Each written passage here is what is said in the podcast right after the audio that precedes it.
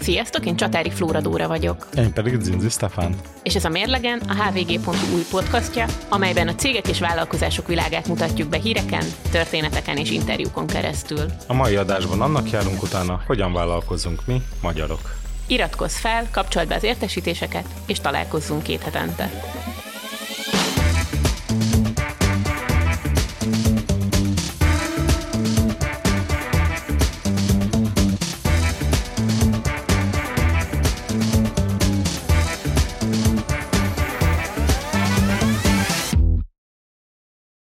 Sziasztok! A szokásoktól eltérően most nem Flóra köszöntiteket először, hiszen szabadságon van. Ennek megfelelően a hír összefoglaló rész is kimarad, ellenben egy hosszabb interjúval készültünk már. A mai adásban a vendégem Timer Gigi lesz, a BG Budapest Lab vállalkozásfejlesztési irodájának vezetője, akivel áttekintjük a magyarországi vállalkozók helyzetét, megvizsgáljuk, hogy kinek és mire kell odafigyelnie, ha Magyarországon üzletet szeretne indítani, akár fiatalként, akár nőként, és egyáltalán milyen motiváció kellhet a sikerhez.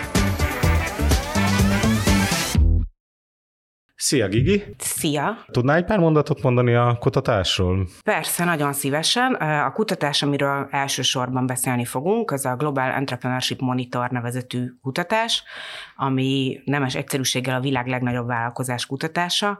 Ezt két dolog alapján meri állítani magáról. Az egyik, hogy ez 1999 óta folyamatosan megy minden évben, összesen több mint 150 ország volt már benne, ez nyilván évente egy picit változik és minden évben egy lakossági reprezentatív lekérdezést tartalmaz, tehát minden országban teljesen kiterjedt lekérdezést tartalmaz, illetve egy szakértői interjús felmérést, ami szintén egy nagyon bonyolult és szigorú módszertan alapján kiválasztott 36 szakértőt jelent minden országban, és ezek alapján tudunk beszélni a vállalkozói motivációkról, szándékokról, a vállalkozások működéséről, illetve arról, hogy a szakértők hogy látják magát az ökoszisztémát. És ami még nagyon fontos, és nagyon különlegesé teszi ezt a kutatást, hogy ez nem a múltról kérdez, tehát nem arról kérdezi az embereket, hogy mit csináltak eddig, hanem hogy mik a terveik a jövőben, és ez elég egyedi, viszonylag kevés olyan kutatás van, amivel így előre tudunk nézni. És mik a terveik a jövőre?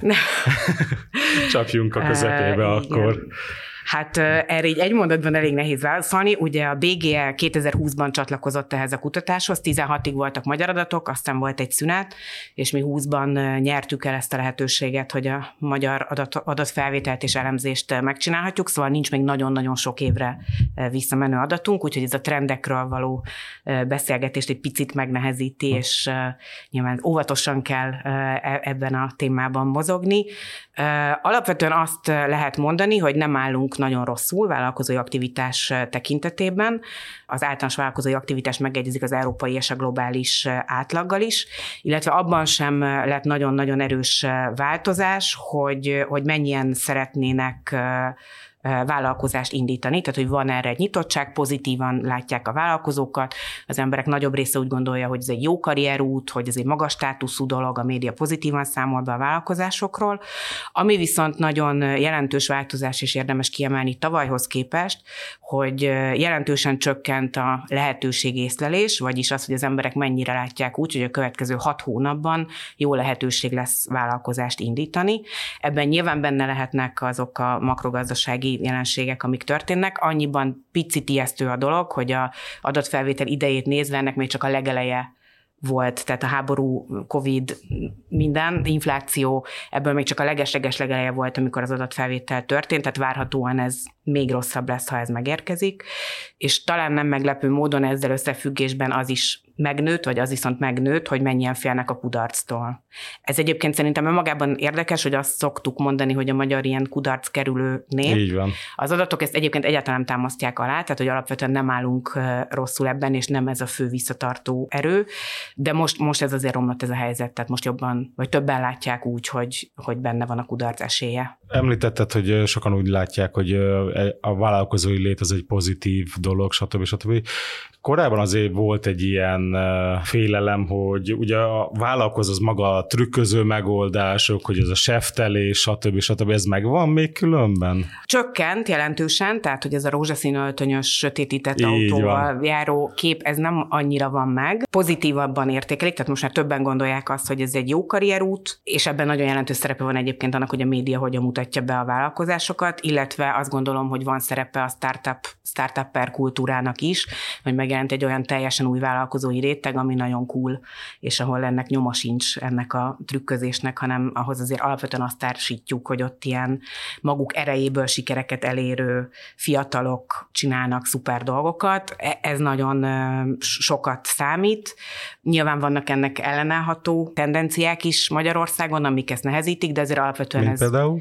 Hát vannak olyan, tehát hogy van, ez is a lehetőség észleléssel összefügg, hogy az, ahogy látják azt, hogy hogyan lehet kicsiből nagyjá válni, illetve hogy mennyire szűk azoknak a sikeres magyar nagyvállalkozóknak a köre, akik, akik tényleg nagyon sokat tudnak elérni, az nyilván ennek egy picit ellene hat, de alapvetően jó irányba megy ez a dolog.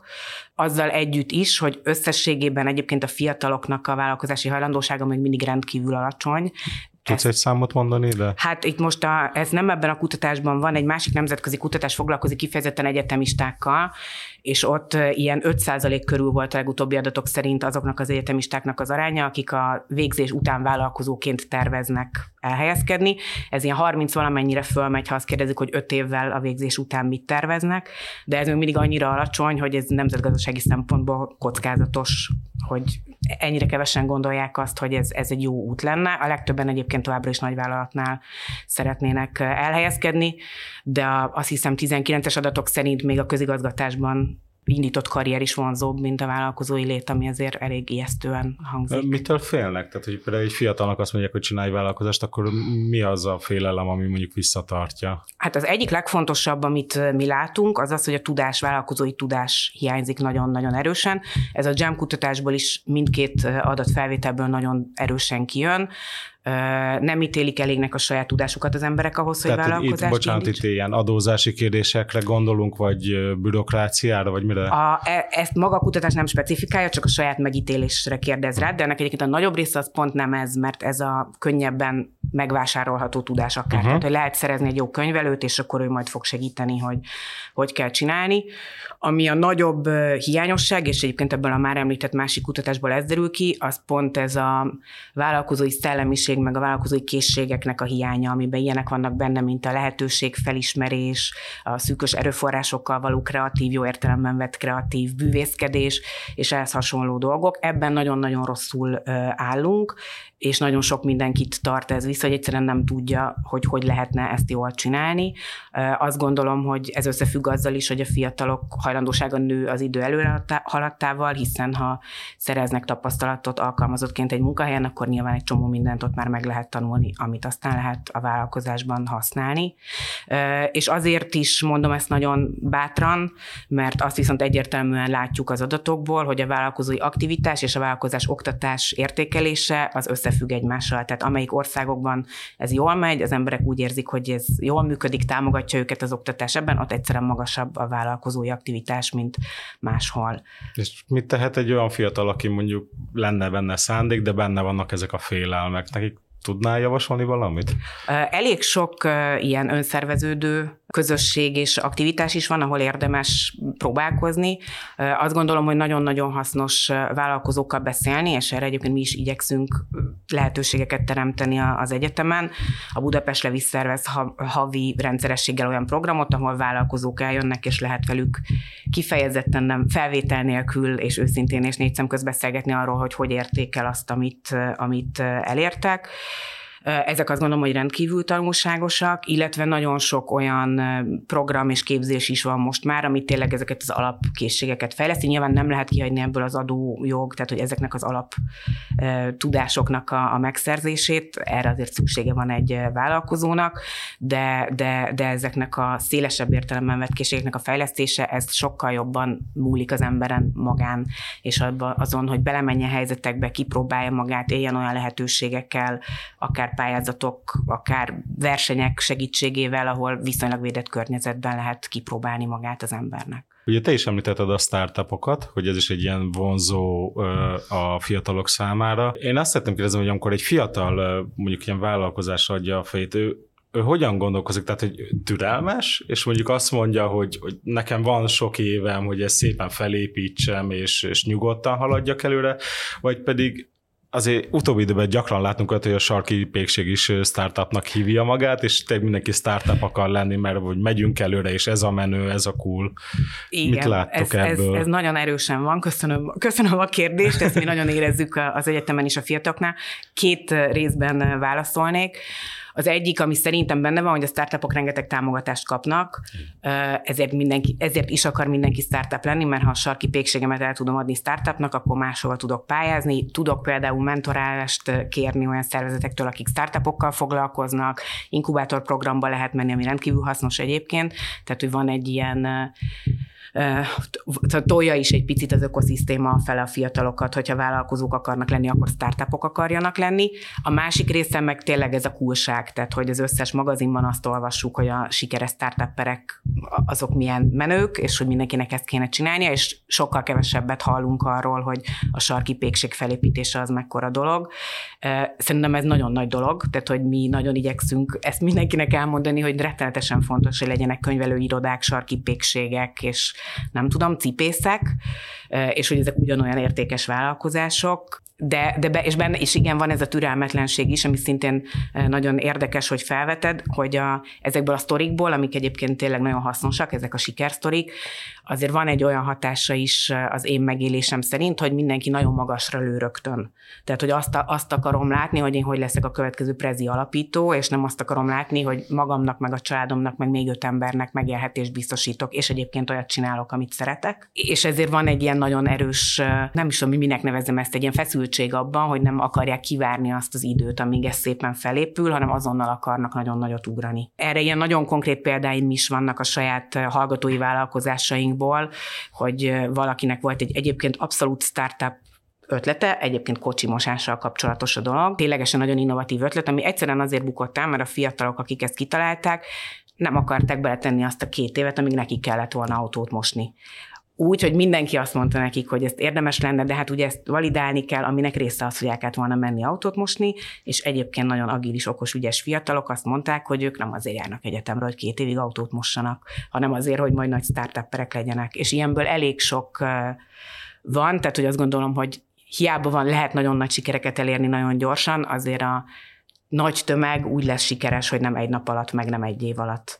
És ezekről sokkal kevesebbet hallani, tehát nem nagyon fontosak azok is, hogy erről így beszéljünk. Például mi minden évben ünnepeljük a Kudarc Nemzetközi Világnapját, ezért mindenkinek nagyon ajánlom, október 13-án van, ahova mi direkt azért hívunk embereket, hogy elmondják, hogy hogyan buktak el valamiben, ami aztán tovább visz majd, de hogy ez sajnos egy ilyen sztori. Ugye a kudarcot már többször említetted, és Amerikában ennek külön kultúrája van, ugye, hogy a kudarc az, az végig az is egy lépés a siker felé vezető úton, amíg itthon ez, én ha jól tudom, még mindig nagyon nincs meg. Tehát, hogyha valaki elbukott, akkor azt nagyon sokszor leírják. Tehát egy, egy egy fiatalnak mit tudnál ajánlani, mennyire kell félnie mondjuk a kudarctól? Amikor elkezdi az egészet, akkor, akkor ez mennyire befolyásolja az ő döntéseiket? Nem mernék ebben így tanácsot adni. Nyilván ez egy reális opció, tehát minden vállalkozásnál reális opció, hogy, hogy ez előbb vagy utóbb kudarc lesz. Nyilván az is kérdés, hogy mit tekintünk kudarcnak. Most csak szintén friss beszélgetésre tudok utalni olyan magyar startupper, aki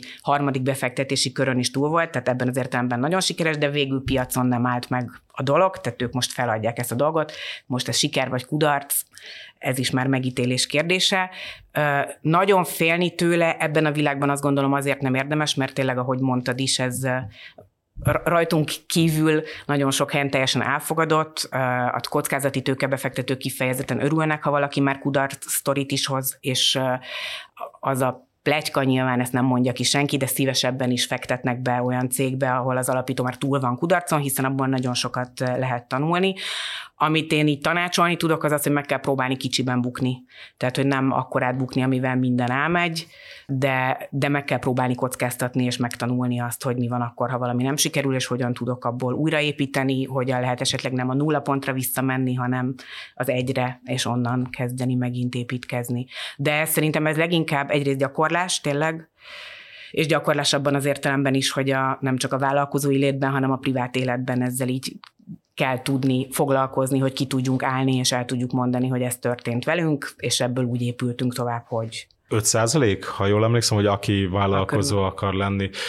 Nekik mi a fő motiváció, hogy én vagyok a saját magam főnöke, uh-huh. vagy pedig az, hogy, hogy ez, ez, ez a biztos megélhetés, mert akkor nem a cégtől függök, aki bármikor kirúghat, tehát hogy így mi a motiváció, és, és mondjuk ti hogy látjátok, hogy jók -e ezek a motivációk? Tehát, hogy ennek kell a motivációnak lenni? A, ami ilyen nagyon szép szerintem, szintén a GEM adatok alapján, hogy amiket most látunk, mind a, mind a két évben, amit most eddig látunk, nagyon-nagyon erős az a motiváció, hogy valaki azért lesz vállalkozó, mert valami lényegeset akar véghez vinni, így fogalmaz a kutatás. A fiatalok körében ez egyébként a legerősebb, ami szerintem csodálatos, és a második helyen van az, hogy biztos megélhetést szeretne, ami szintén egy teljesen valid indok, de hogy ez egy ilyen nagyon erős mondás, hogy ez a valóságban mennyire van így, és mennyire hmm. inkább a maguk számára is vonzó álomkép, azt nem tudom, de azért szerintem ez egy nagyon fontos dolog, hogy ez, ez már benne van a fiatalokban, hogy ezért szeretnének vállalkozni.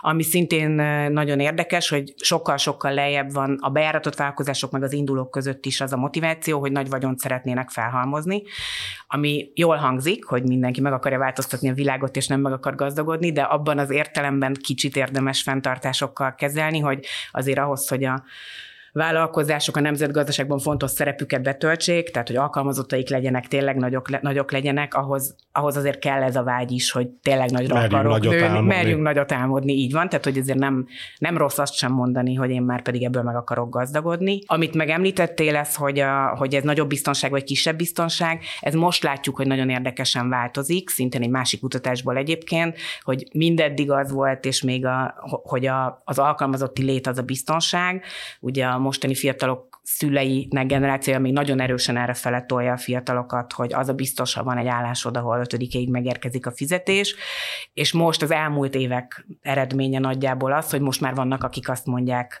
hogy, hogy nagyobb biztonságban érzik magukat attól, hogy ők maguk döntenek arról, hogy mi lesz velük, mert akkor nem rúghatnak ki egyik napról a másikra, rajtam tényleg a teljesítményemen múlik, hogy hogyan tudok előre menni, szóval, hogy ez most, most változik valamennyire. Egyébként a gyakorlatban ez hogy néz ki? Tehát, hogyha mondjuk valaki elkezd egy vállalkozást, tudom, nagyon nehéz, mert számtalan szektor van, stb. stb., de hogy kb. mennyi idő az, amíg el lehet jutni egy olyan szintre, amire azt mondja, hogy gyerekek, ez, ez most már egy, egy ilyen stabil szint, én ebből meg tudok élni. Tehát, hogy ugye e, beszéltünk arról, hogy mindenki nagyon gyorsan akar most már mindent, és említette is, hogy mondjuk két évig nem voltak hajlandók ugye autót mosni, tehát hogy ez mennyire van meg, mennyire türelmesek, és mennyire kéne türelmesnek lenniük. Erre szerintem nem lehet általános választ mondani, mert nagyon erősen iparág specifikus is, tehát nyilván egy startup esetében mit jelent a megélhetés? Lehet, hogy a nulladik pontunknak kap egy akkora befektetést, hogy ő meg az alapító társai abból már megélnek, és nem kell dolgozni, mert jó esetben elég okosak ahhoz, hogy a befektetésből maguknak is adnak fizetést valamennyit. Ez a másik oldali tipikus hima, hogy az első években akkor majd én nem kapok fizetést, hanem majd csak amikor már lesz pénz, de ez ugye azt jelenti, hogy mellette valamiből meg kell élni és dolgozni kell, tehát nincs elég idő és energia a vállalkozásra, szóval ez sokszor kimarad a tervezésből, hogy valamiből meg kell élni, és ki kell fizetni a rezsit, meg a, meg a bevásárlást.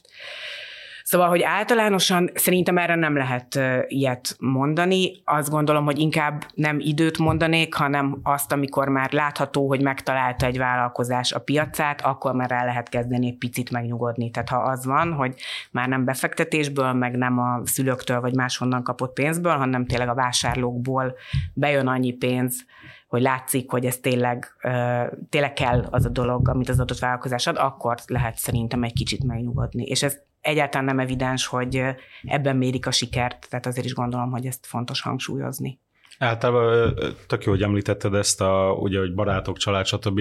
Ezt továbbra is jellemző, hogy a, a, először innen kaparják össze úgymond a kezdőtőkét? Hát Magyarországon ez sose volt igazán jellemző, tehát ez megint az amerikai típusú működés, ugye ez a 3F, Friends, Family, Fools nevezetű finanszírozási forma, aminek szerintem a neve is csodálatos, de a, a dolog Fools, is igen, az. Igen.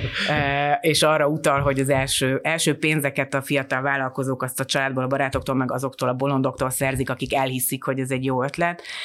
Ez sokkal kevésbé működik itthon, ugye nem áll úgy a családok többsége, hogy milliókat tudna belerakni abba, hogy a gyermekük próbálkozzon úgy, hogy abban ugye a kudarc is benne van.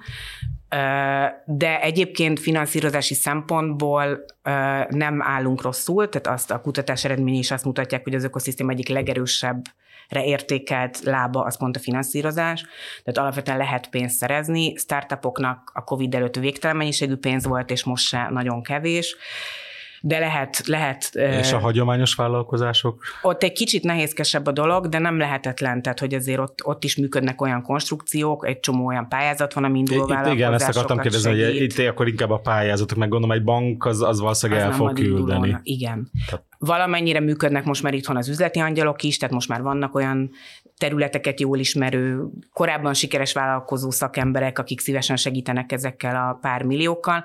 Tényleg rengeteg program van, ami segít. Most csak egy példát mondok, ami egy mindenhol elérhető, és ezért ezt mondom, van ez a Hungarian Startup University program nevezetű dolog, ami egy oktatási program, és nagyon sok mindent ad, meg egyébként még az egyetemek maguk dönthetnek, hogy mit tesznek hozzá, mi például még egy csomó mindent, de amit mindenképpen ad, ad egy ösztöndíjat, ami olyan mennyiségű pénz egy fél évig, hogyha valaki azt a cégébe teszi bele, akkor ezt az alapot például meg tudja teremteni belőle. Tehát ha semmi más nem is tanul ebből, ami nagyon szomorú lenne, akkor is lehet, lehet innen-onnan pénzt szerezni. Nem, Bocsánat, nem ez, ez csak startupoknak van, mert ugye a név az erre utal. Ez startupoknak van elv, ez azt célozza, hogy több startup legyen, de nem nézik nagyon szigorúan, hogy mekkora növekedési potenciál van a, a programban, ugyan, mert hogy ez egy ilyen mínusz első fázis, tehát itt ötlettel mhm. lehet bekerülni, és akkor azt lehet fejleszteni fél évig, de tényleg rengeteg ilyen típusú ö, lehetőség van. És egyébként rengetegszer az is van, hogy nagyon felüllövik a fiatalok, hogy mihez mennyi pénz kéne. Tehát, hogy el lehetne kezdeni valamit kicsiben. Az előző példámra utalva, ha én magam mosom az autót két évig, akkor nem fizetek bért valakinek, aki autót mos, és már is sokkal kevesebből el tudom indítani azt a vállalkozást. Tehát nagyon sok mindent Ugye az utóbbi, hát most már évtizedet is lehet mondani, elég sokan mondják azt, hogy kevés volt a női vállalkozó, főleg a férfiak próbálkoztak. Ez változott-e, és ti hogy látjátok, hogy nehezebben ma, mert régebben azért hát mindig azt mondták, hogy a női vállalkozók helyzete sokkal nehezebb volt, akár finanszírozás, akár munkaerő, tehát nagyjából minden területen. Ez változott-e? A megélés szempontjából ez még mindig van, és a kutatás adatai is azt mutatják, hogy mindenben optimistábbak a férfiak, tehát hogy jobbnak látják a lehetőségeket, nagyobb karrierutat látnak benne, minden pozitívabban Ez miért lehet látnak. különben? Hát ez valószínűleg egy ilyen sokkal mélyebb szociológiai hmm. háttér, hogy kezdetektől hogyan neveljük a fiainkat hmm. és lányainkat. Szóval, hogy ez megvan valamilyen szinten, és az is nagyon egyértelműen látszik, hogy a nők között sokkal többen vannak azok, akik megélhetési vállalkozók, tehát hogy akik azért lettek vállalkozók, hogy finanszírozni tudják az életüket, ami szintén egy érdekes, érdekes dolog. Ugye itt is ez sok kérdést felvett, ami nagyon nagy összefüggéseket kéne hozzá nézni, hogy mondjuk a munkaerőpiacon mennyivel vannak nehezebb helyzetben a nők, ezért mennyivel könnyebb lehetőség nekik az még mindig, hogy saját vállalkozásban próbáljanak érvényesülni. Ugyanakkor a, a nagyon erősen van támogatás, tehát nagyon sok szó van erről a témáról, ami azt gondolom, hogy magában nagyon fontos. Nincs nincs egyfajta ilyen megbélyegzés, tehát hogy azt gondolom az is nagyon erősen megváltozott, hogy inkább pozitívan e, értékeljük e, a vállalkozó nőket. Nagyon erős vállalkozó női közösségek vannak, ami nagyon sokat e, segít, és rengeteg speciális program szintén, ami kifejezetten női vállalkozókat támogat. Tehát ebben van mozgás, még mindig nem állunk nagyon jól erre, most nem tudok konkrét számot mondani, de, és még mindig egyébként a hátrányos helyzetű csoportok közé sorolja minden vállalkozás támogatása nőket, ami szerintem nagyon érdekes. Hát igen. Hogy a menekültek, kisebbségiek mellett a nők, a nők. az egy definiált hátrányos helyzetű csoport. 2023-ban még itt Így tartunk. van, de ezért viszont kapnak támogatást, tehát hogy ebben az értelemben nyilván ez egy valós, valós segítség, és egyébként az is nyilván látszik, hogy bizonyos szektorokban vannak többen a nők. Ugye ez a mompreneur kifejezés, ez nem véletlenül szintén ilyen nagyon e, népszerűvé vált. Ez, ez tényleg nagyon jól látszik ez a trend. Korábban csináltunk szabadúszók körében kutatást, ott rengetegen kerültek elő olyan nők, akik, akik egyszerűen nem találtak más módot a munka-magánélet összeegyeztetésére, ilyen egyszerűen fogalmazva, mint azt, hogy elkezdenek önállósodni. Többször említetted, hogy a nőknek is vannak programok, a vállalkozásfejlesztésnek. Egy gyakorlati tanácsot tudunk-e adni a hallgatóknak, hogy hol érdemes keresni? Most csak írja be a neten, hogy női vállalkozó segítség? Szerintem első körben igen. Nagyon sok nagy cég is csinál ilyen programokat, ezeket ki fogja dobni a kereső, hogyha elég ügyesen keres az ember. Vannak egyébként állami programok is, amik, amikbe szintén lehet így pályázni, illetve egyébként nem tudom kihagyni, hogy az egyetemek nagyon aktívak ezen a területen, a BGE egyébként különösen, de nyilván nem csak mi.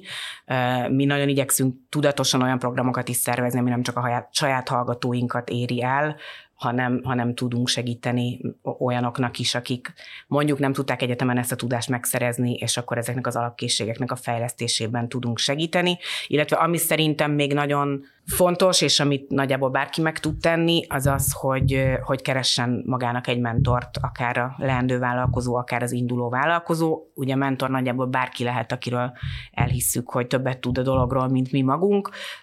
Nagyon nyitottak erre többségében a vállalkozók, ők is érzik sokan, hogy szeretnének visszaadni valamit, szeretnének segíteni, és ez rettenetesen sokat tud segíteni hogyha van valaki, akihez lehet kérdésekkel fordulni, meg a nagyon nagy bizonytalanságokban egy órát beszélgetni vele, hogy akkor hogy is kéne tovább menni.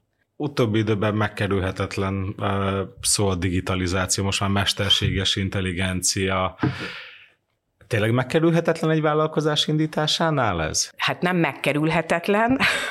De nem de ajánlott De nem ajánlott megkerülni, igen. De ebben nagyon rosszul állunk sajnos, tehát hogy az innovációban rendkívül rendkívül rosszul áll a magyar KKV szektor. Tehát itt innováció alatt gondolom arra gondolok, hogy bármi újat ő kitaláljon, ne csak átvegyen módszereket? Nem, vagy? az ráadásul ennél rosszabb a helyzet, mert még ennél szélesebben értem az innovációt, mert mi beleértjük ebbe azt is, hogyha a termékén, a szolgáltatásán fejleszt valamit, ha új partnert szerez magának, ha az ügyfél, ügyfél kapcsolatain fejleszt valamit, tehát hogy nem csak a K plusz F típusú digitális innovációról van szó, hanem az, hogy bármit csináljon, amit nem úgy csinált korábban. Uh-huh. Nagyjából ez, ez lenne az innováció, és ebben rettenetesen rosszul állunk.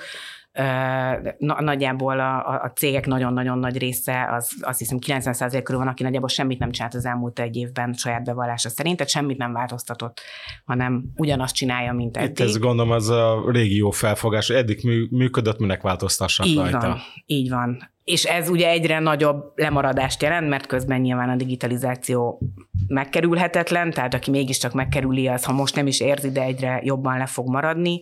És akkor talán még ehhez kapcsolódik, ami szintén így a magyar vállalkozói környezetről azt gondolom, hogy érdekes, hogy a cégek nagyon nagy része úgynevezett no-tech vagy low-tech szektorokban dolgozik, tehát olyan szektorokban dolgozik, ahol nem alapvetően szükséges, nem a központi tevékenységhez szükséges a, a technológia, ami ugye nem jelenti azt, hogy ne használhatnák mindenfélére, és ettől van egy még nagyobb szakadás, mert ezekben a szektorokban nyilván még kevésbé érzik, hogy ez mennyire feszítően sürgős. Ez ugye nem feltétlenül baj egyébként, hogy ilyen szektorokban vannak, mert a kutatások ide sorolják mondjuk a jogi tanácsadást is, uh-huh. mert ugyan magas hozzáadott értékű, de technológiai szempontból nyilván no-tech szolgáltatásnak minősül. Tehát ez nem azt jelenti, hogy kizárólag mezőgazdaságban meg sarki volt, de, de ez nyilván nagyon erősen hat arra, hogy ott ugye kevésbé érzik azt a kényszert, hogy digitalizálni kéne. Ugye említetted, hogy náluk is lennének lehetőségek. Tudsz mondani egy pár példát, hogy ők mondjuk mire tudnák használni, tehát hogyan tudnának előre lépni? Uh-huh.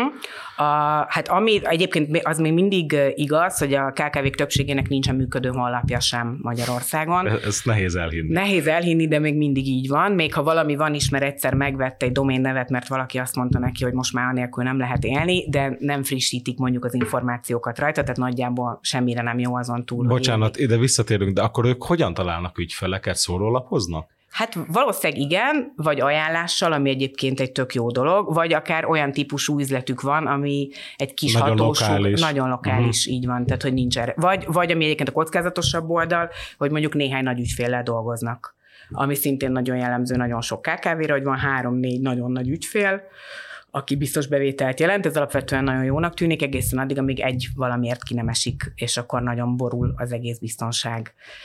De egyébként ez valószínűleg egy külön kutatást megérne, hogy akiknek nincs honlapja, azok hogyan találnak ügyfeleket, de hogy ezen a szinten sem vagyunk, és ahol pedig mindenhol, mindenki, nyilván a kommunikáció nagyon adja magát, ahol a, a digitális eszközök nagyon gyorsan tudnának nagyon sokat segíteni, de egyébként ügyfélkiszolgálásban, adminisztrációban, ezekben mind nagyon sokat tudna segíteni. Ugye nagyon sok szó volt egy időben a kötelező elektronikus számlázásról, ami nagyon nehezen ment át, de a napi működésben egyébként rengeteg felszabadult órát jelent egy csomó vállalkozónak, amikor már egyszer megtanulta, hogy hogyan működik, a, ugyanilyen példákban rengeteg van a készlet nyilvántartástól, egy csomó ilyen pici feladat, ami nem tűnik központi fontosságúnak, de ha végig gondoljuk, hogy egy nem tudom, élelmiszeripari vállalkozásnak a raktárában kézzel kell-e végigmenni és trigulázni, miből hányat adtunk el, vagy valaki megnyom egy gombot, és ez egy pillanat alatt látszik, akkor azért ez így elég jól érezhető, hogy ez segítene valószínűleg hatékonyabbá tenni a működést. És ez mentális kérdés, valamint hogy a hozzáállás kérdése, vagy anyagi? Tehát, hogy egyszerűen attól félnek, hogy egy ilyen beruházás, hát fú, hát digitalizáció, az biztos nagyon sokba kerül, ez mennyire jellemző például? Ez jó kérdés, szerintem mindkettő valószínűleg lehetne rá forrást szerezni, ha eléggé akarnák, vagy erre mhm. akarnának éppen forrást szerezni. Biztosan van az is, hogy ugye ezt is, ez nem az én területem, de azért lehet tudni, hogy a magyar lakosság általában nem olyan nagyon élet, érett digitálisan, tehát magánéletükben sem használnak vagy használ annyira sok ember ilyen eszközöket, hogy megkönnyítse az életét, nyilván akkor még kockázatosabbnak érzi, hogy a vállalkozásának az ügyeit bízza rá valami gépre, ha még a saját, nem tudom, a privát életében sem használja ezeket. Tehát amíg nem használunk, nem tudom, elektronikus naptárat otthon, addig miért használnánk elektronikus ügyfél regisztrációs rendszert, ami ugye tök nagy kockázat, mi van, ha elvész valaki. Szóval, hogy ebben szerintem az edukáció nagyon fontos lenne, Azért is, mert nyilván a nagy részét nem értjük, én sem, hogy valójában mi történik, tehát kell némi bizalom ahhoz, hogy elhiggyük, hogy ezt valaki jól kitalálta, és tényleg segíteni fog. Ilyenkor különben tud segíteni, hogyha egy cégen belül mondjuk az egyik fiatal úgymond digitálisan felvilágosult, vagy nem is tudom, hogy hogy mondjam, és akkor rá lehet bízni a dolgokat? Ez, ez jellemző egyáltalán? Abszolút jellemző, főleg a családi vállalkozásoknál látjuk, és ugye ezt is akartam még az előzőhöz is mondani, hogy nyilván generációs jellegzetessége is van ennek, ugye a magyar vállalkozói rétegnek egy nagyon jelentős része az nyugdíjkorhatár körül fölött van, akik a rendszerváltás környékén alapították a vállalkozásaikat. Nyilván nekik kisebb gondjuk is nagyobb annál most, mint hogy megtanulják használni az AI nyújtotta lehetőségeket a vállalkozásban, de a családi vállalkozásokban nagyon jól látszik, hogy a második generáció hoz be egy csomó innovációt, ezt a digitális innovációt is, egyébként kommunikációs területen is rengeteg mindent úgy indítanak el, hogy mondjuk a második generációs családtag az ilyesmit tanul, és akkor ő látja és érti ezeket az új lehetőségeket, és egyébként szervezetfejlesztésben is sokkal jobban bejönnek ezek az újdonságok, egyszerűen azért, mert már más tanulnak azok a fiatalok, akik aztán majd megpróbálnak belépni átvevőként ezekbe a cégekbe. Tök jó, hogy említetted a családi vállalkozásokat, már akartam is róla beszélgetni egy kicsit, és ahogy említetted is, hogy nagyon sokan, akik ugye a rendszerváltás idején indították a cégeiket, azok mostan nyugdíj felé közelednek, vagy már ott vannak. Nagyon sokszor halljuk azt, hogy, hogy már nyugdíjas korúak még mindig viszik a cégüket, mert nem tudják átadni. Vagy nem akarják. Vagy nem akarják, így van, így van. Úgy erről tudunk egy kicsit, hogy itt, itt milyen motiváció van, itt, itt a, mennyire könnyű a gyerekedet úgymond rá kell venni, hogy vigye tovább a céget? Ez, ezzel mi nagyon régóta és elég mélyen foglalkozunk. 17 óta megy egy családi vállalkozás kutatási programunk, ami azért fontos szerintem, hogy 17 óta, mert hogy akkor derült ki számunkra is, hogy semmilyen szisztematikus adatgyűjtés nem volt korábban családi vállalkozásokról, tehát a KSH sem vizsgálja külön ezt a kört. Ebből viszont kiderült, hogy mennyire nagyon sokan vannak, és hogy mennyire nagyon sokan vannak, ahol 60-70 év fölötti az alapító, tehát hogy tényleg az van, hogy előbb-utóbb akár akar, akár nem hátra kell lépnie. Van, aki egyébként szeretne, csak nem tud. És hogy kell-e kényszeríteni a gyereket, hát az a furcsa ellentmondásos helyzet van, hogy a magyar családi vállalkozóknak a nagyon nagy többsége kizárólag azt tudja elképzelni, hogy a családon belül adja át a céget, mert hogy ezt ő építette föl, hogy hát hogy adná. Ez a saját gyereke hogy, hogy adná oda bárki másnak. Ezzel szemben a gyerekek egyáltalán nem akarják átvenni. Tehát, hogy van egy óriási gap a között, hogy e, az átadó meg a potenciális átvevő mit gondol. Ez önmagában szerintem nagyon érdekes, hogy a, úgy nagyon sokszor olyan sztorik vannak, hogy nem tudom, egy sikeres mérnök vállalkozó felépít egy nagy nagyon nagy céget, jó anyagi körülményeket teremtett ugye az elmúlt 30 évben a családjának, ezért az összes gyereke úgy dönt, hogy színész, festőművész és ehhez hasonló foglalkozásokat választ magának. Nyilván utána nem fognak sem tudni, sem akarni beülni a mérnök irodába és átvenni azt a céget. Rengeteg ilyen típusú sztori van, és rengeteg olyan sztori van, amikor meg túlképződik a gyerek, tehát amikor annyira arra készítik fel, hogy ő majd átvegye azt a céget, hogy a le, szintén az anyagi helyzet, ha lehetővé teszi, akkor a legjobb külföldi egyetemeken tanul, és akkor meg egyszerűen kinövi idő előtt ezt a céget. És vannak persze nagyon jó példák is, ahol ezt sikerül úgy menedzselni, hogy át lehet, ténylegesen át lehet adni ezeket a cégeket. Ennek nagyon sok ilyen családi konfliktusos része is van, nyilván egy nagyon erős alapító mellett nagyon nehéz felnőni másodikból első vonalas vezetővé, de azért erre vannak nagyon jó példák, meg amit én egyébként nagyon szeretek és fontosnak is gondolok, hogy itt is nagyon fontos, hogy ez egy ilyen menőbb dolog legyen a családi vállalkozás, ami itthon valahogy nem nagyon volt, vagy most kezd talán lenni, és egy egyébként ismert borászat átvevője, most már ő tényleg átvevő mondta azt, hogy őt elküldték tanulni Portugáliába mert nem volt választása, tehát ő abba választhatott, hogy szőlész lesz vagy borász, ez, ez, volt a, ez volt a mondás, és ezért elment tanulni Portugáliába, és ott derült ki számára, hogy ez igazából tök menő, hogy ő egy családi vállalkozásból jön, mert hogy ott ennek egy ilyen hatalmas kultúrája van, találkozott egy csomó emberrel, akik ebben voltak, és ettől így neki is vonzóbb lett, hogy ja, hát végül is akkor ez így nem, nem olyan ciki az, hogy át kell vennem az apámtól, hanem hogy ez egy szép hagyomány. És ugye ennek a hagyománynak most az első lépésénél vagyunk nagyjából, mert hogy ezek az első generációváltások, de bízunk benne, hogy majd növekedni fog. És akkor még egy mondat ehhez, hogy itt is azt gondolom, hogy nagyon fontos a ebben való speciális oktatás, mert a rákényszeríteni a gyereket, az hol működik, hol nem. Persze. Egyébként van, ahol működik, de, de nagyon sok olyan speciális problémájuk van a fiataloknak is, tehát a második generációnak is, amivel tudnak együtt dolgozni. Mi elkezdtünk csinálni kifejezetten Next Gen, családi vállalkozás Next Geneknek kurzusokat, és ilyen revelatív élmények, hogy találkoznak más emberekkel, akik ugyanabban vannak, mint ők, és együtt tudnak feldolgozni problémákat. Nyilván nem pszichológiai mélységekről kell, pszichológiai mélységekre kell gondolni, de hogy ez tényleg nagyon fontos itt is ez a közösség hogy ők, ők nincsenek egyedül, és sőt, rengetegen vannak. És azt gondolom, hogyha ez elkezd épülni, az is, az is nagyon fontos lehet abban, hogy ez jobban menjen. És ugye említett, hogy sokan nem akarják másnak adni, mint a gyerekének, de hát egy idő után eljön az a pont, hogy, hogy most már dönteni kell, mert hogy ő már akár fizikailag képtelen arra, hogy vég, vigye tovább a céget, de mondjuk a gyereke, ahogy említetted, teljesen mással akar foglalkozni. Ilyenkor hányan döntenek úgy, hogy be is zárják teljesen a boltot, és hányan úgy, hogy akar, akkor mondjuk a cégből kiválaszt valakit, aki tovább viszi? Hát erre még nem nagyon sok szám van, mert ugye most zajlanak ezek az hm. átadások, tehát sikeres átadásról nem olyan nagyon sok szám, Aha. vagy nem olyan sok számunk van arról, hogy valójában milyen arányban működik ez, vagy nem.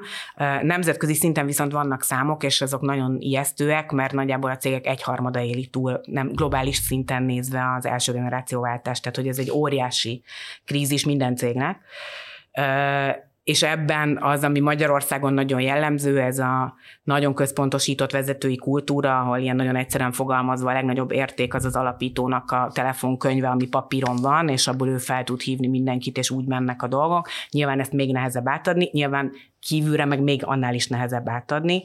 Úgyhogy az egyik nehézség az pont ez, hogy külföldön teljesen bevet, hogy ezeket a cégeket eladják. Uh-huh Magyarországon ennek van ilyen lelki nehézsége is, hogy nem nagyon szeretnék ezt tenni az alapítók, de van abszolút praktikus nehézsége is, hogy egyszerűen nincsenek felkészülve ezek a cégek nagyon sok esetben, nyilván általánosítok, és vannak szuper pozitív kivételek, de általánosan jellemző, hogy össze van csúszva a céges és a magánvagyon, hogy nem áll úgy a szervezet, tehát hogy nem adhatóak el, Például azért sem, mert nagyon sokszor a legnagyobb értékük az az alapító fejében van, amit nem tud átadni.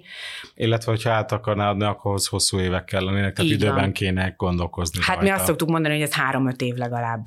Ideális esetben 25, Igen. de hogy, hogyha ez nincs meg, akkor is 3-5 év, és erre nagyon nincsenek felkészülve a, a, a cégvezetők.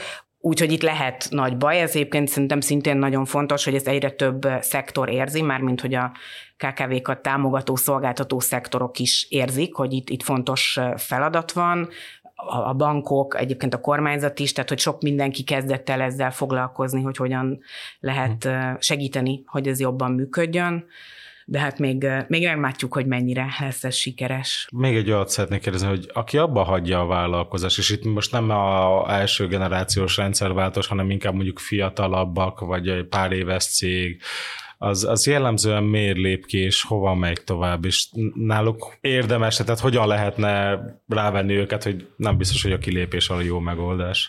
A, a, szerintem nagyon érdekes, hogy a, a legnagyobb arányban csak nem minden harmadik a vállalkozást befejező vállalkozó esetében személyes ok van a háttérben, ami egy csomó esetben egyébként nyugdíjazás, tehát hogy nem hagyhatjuk uh-huh. ki azt, hogy egyszerűen vannak, akik idősebbek, és nem viszi tovább más, hanem ő, ő kilépett. De ez lehet egy csomó minden személyesok, tehát egyszerűen máshogy alakul az élettel, nem bírja a stresszt, ebben rengeteg minden benne lehet. Kevesebben vannak azok, akik ilyen környezeti nehézségek miatt, ebbe egyébként most a Covid is beleszámít, de hogy akár a bürokrácia nehézsége, stb. stb. Ez egy jóval kisebb arány. Azt gondolom, hogy azért, mert aki már benne van és elég elhivatott, az nem fogja föladni azért, mert nem tudom, éppen bürokratikusan kicsit nehezebb a helyzet zárójelben megjegyzem, abban is egyébként elég jól állunk, tehát Magyarországon egyébként a szakértők értékelése szerint jól állunk ebben, szóval ez, ezért is nyilván lehet így. És akkor van egy ilyen 20% körüli arány, akik jobb lehetőséget látnak, vagy új munkahelyet, ezt nem tudjuk szétszedni, hogy ki az, aki alkalmazottnak megy vissza, uh-huh. és ki az, aki egy másik vállalkozásért hagyja abba az előzőt, de hogy úgy dönt, hogy van valami, ami jobb. És ennél még sokkal kevesebben vannak azok, akiknek egyszerűen nem nyereséges a cége, és feladják. A, van egy ilyen mozgás, de ezt nem tudok számot mondani, ez inkább egy ilyen érzékelés, hogy vannak, akik váltogatnak, tehát hogy a kisebb vállalkozók esetén nyilván egy nagyobb vállalkozásnál ez Persze, már nincs, sokan nehezebb, igen. de egy kisebb vállalkozásnál azért ez elég gyakori, hogy valaki pár évet vállalkozó, aztán visszamegy egy kicsit nyugalmasabb alkalmazotti státuszba, aztán rájön, hogy ő benne mégiscsak erősebb ez a megvalós, önmegvalósítási vágy, vagy hogy a maga ura legyen, és akkor megint vállalkozóként próbálkozik. Ez, ez is egy egyébként tipikusnak tekinthető út. Olyat én nem tudok, aki nagyobb so, sok alkalmazottas vállalkozásból mondjuk visszament volna alkalmazottnak. Tehát ott mindig az van, hogy vagy másik üzleti lehetőség van, vagy, vagy, vagy úgy dönt, hogy már ő befejezte a, az aktív karrierjét. Említetted a stresszt, és erről még nem beszéltünk, de úgy gondolom, hogy ez elég fontos, mert hogy egy vállalkozást vezetni, azért több ember megélhetése rajtad múlik, stb. stb. az nem egy kis stressz. Ez mennyire jelenik meg, akár mint probléma, akár mint kezelni ezt a feszültséget? Biztos, hogy jelen van, hogyha ezt szebben akarjuk fogalmazni, akkor hívhatjuk felelősségnek, és hogy ezt nagyon érzik, és egy csomó embernek egyébként ez nagyon vonzó. Tehát, hogy az a hogy nehéz, de azért vonzó is az, hogy én vagyok a felelős azért, hogy más emberek hogyan vannak, hogy más emberek jól léte függ tőlem, de nyilvánvalóan ez, ez, ez azért egy, egy stressz helyzet. Ti mennyivel találkozt, mennyire találkoztok ezzel, a, akár a képzéseiteken ezzel a problémával különben? Hogy ezt mennyire tekintjük aktív stressznek, azt így nem tudom megmondani. Az, hogy, hogy egész embert kíván ezzel a közhelyes megfogalmazással, de nem tudok most erre jobbat, az, az nagyon érzik a vállalkozók, tehát hogy itt nem, nincs munka magánélet szétválasztás, az nagyon vicces, hogy a fiataloknál időnként megjelenik, hogy azért szeretnének vállalkozók lenni, hogy legyen idejük a magánéletükre is, és ha bárkit megkérdezünk, aki vállalkozó, az azt mondja, hogy neki ez megszűnt. Szintén konkrét példa, most már milliárdos céget felépítő még mindig nagyon fiatal magyar vállalkozó, aki azt mondta, hogy ha nem lett volna csaja, amikor elkezdte a vállalkozását, akkor a következő öt évben nem lett volna, mert hogy egyszerűen nem, nem volt ideje arra, hogy bárhol elmenjen ismerkedni és hogy ezen nagyon örül, hogy 21 hogy éves korában volt, amikor ebbe belekezdett, szóval, hogy ez, ez, ez biztos, hogy van.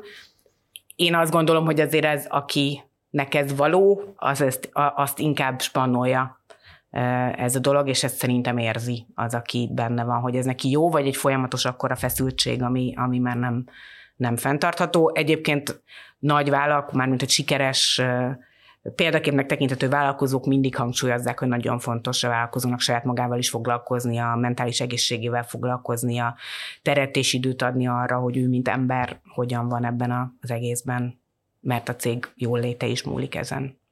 Tehát ne stresszeljünk, tanuljunk sokat, járjunk képzésekre, és akkor sokkal nagyobb esélyünk van, hogy egy sikeres vállalkozást építsünk. Így van, és próbálkozzunk kitartóan. Köszönöm, Gigi, hogy itt voltál, a hallgatóknak pedig Flora nevében is köszönöm, hogy itt voltatok. Ha van bármilyen visszajelzésetek, akkor szívesen veszük, akár Spotify-on, a kérdői funkcióban a műsor alatt, akár a podcastokukat hvg.hu e-mail címen. Én Zinzi Stefán vagyok, sziasztok!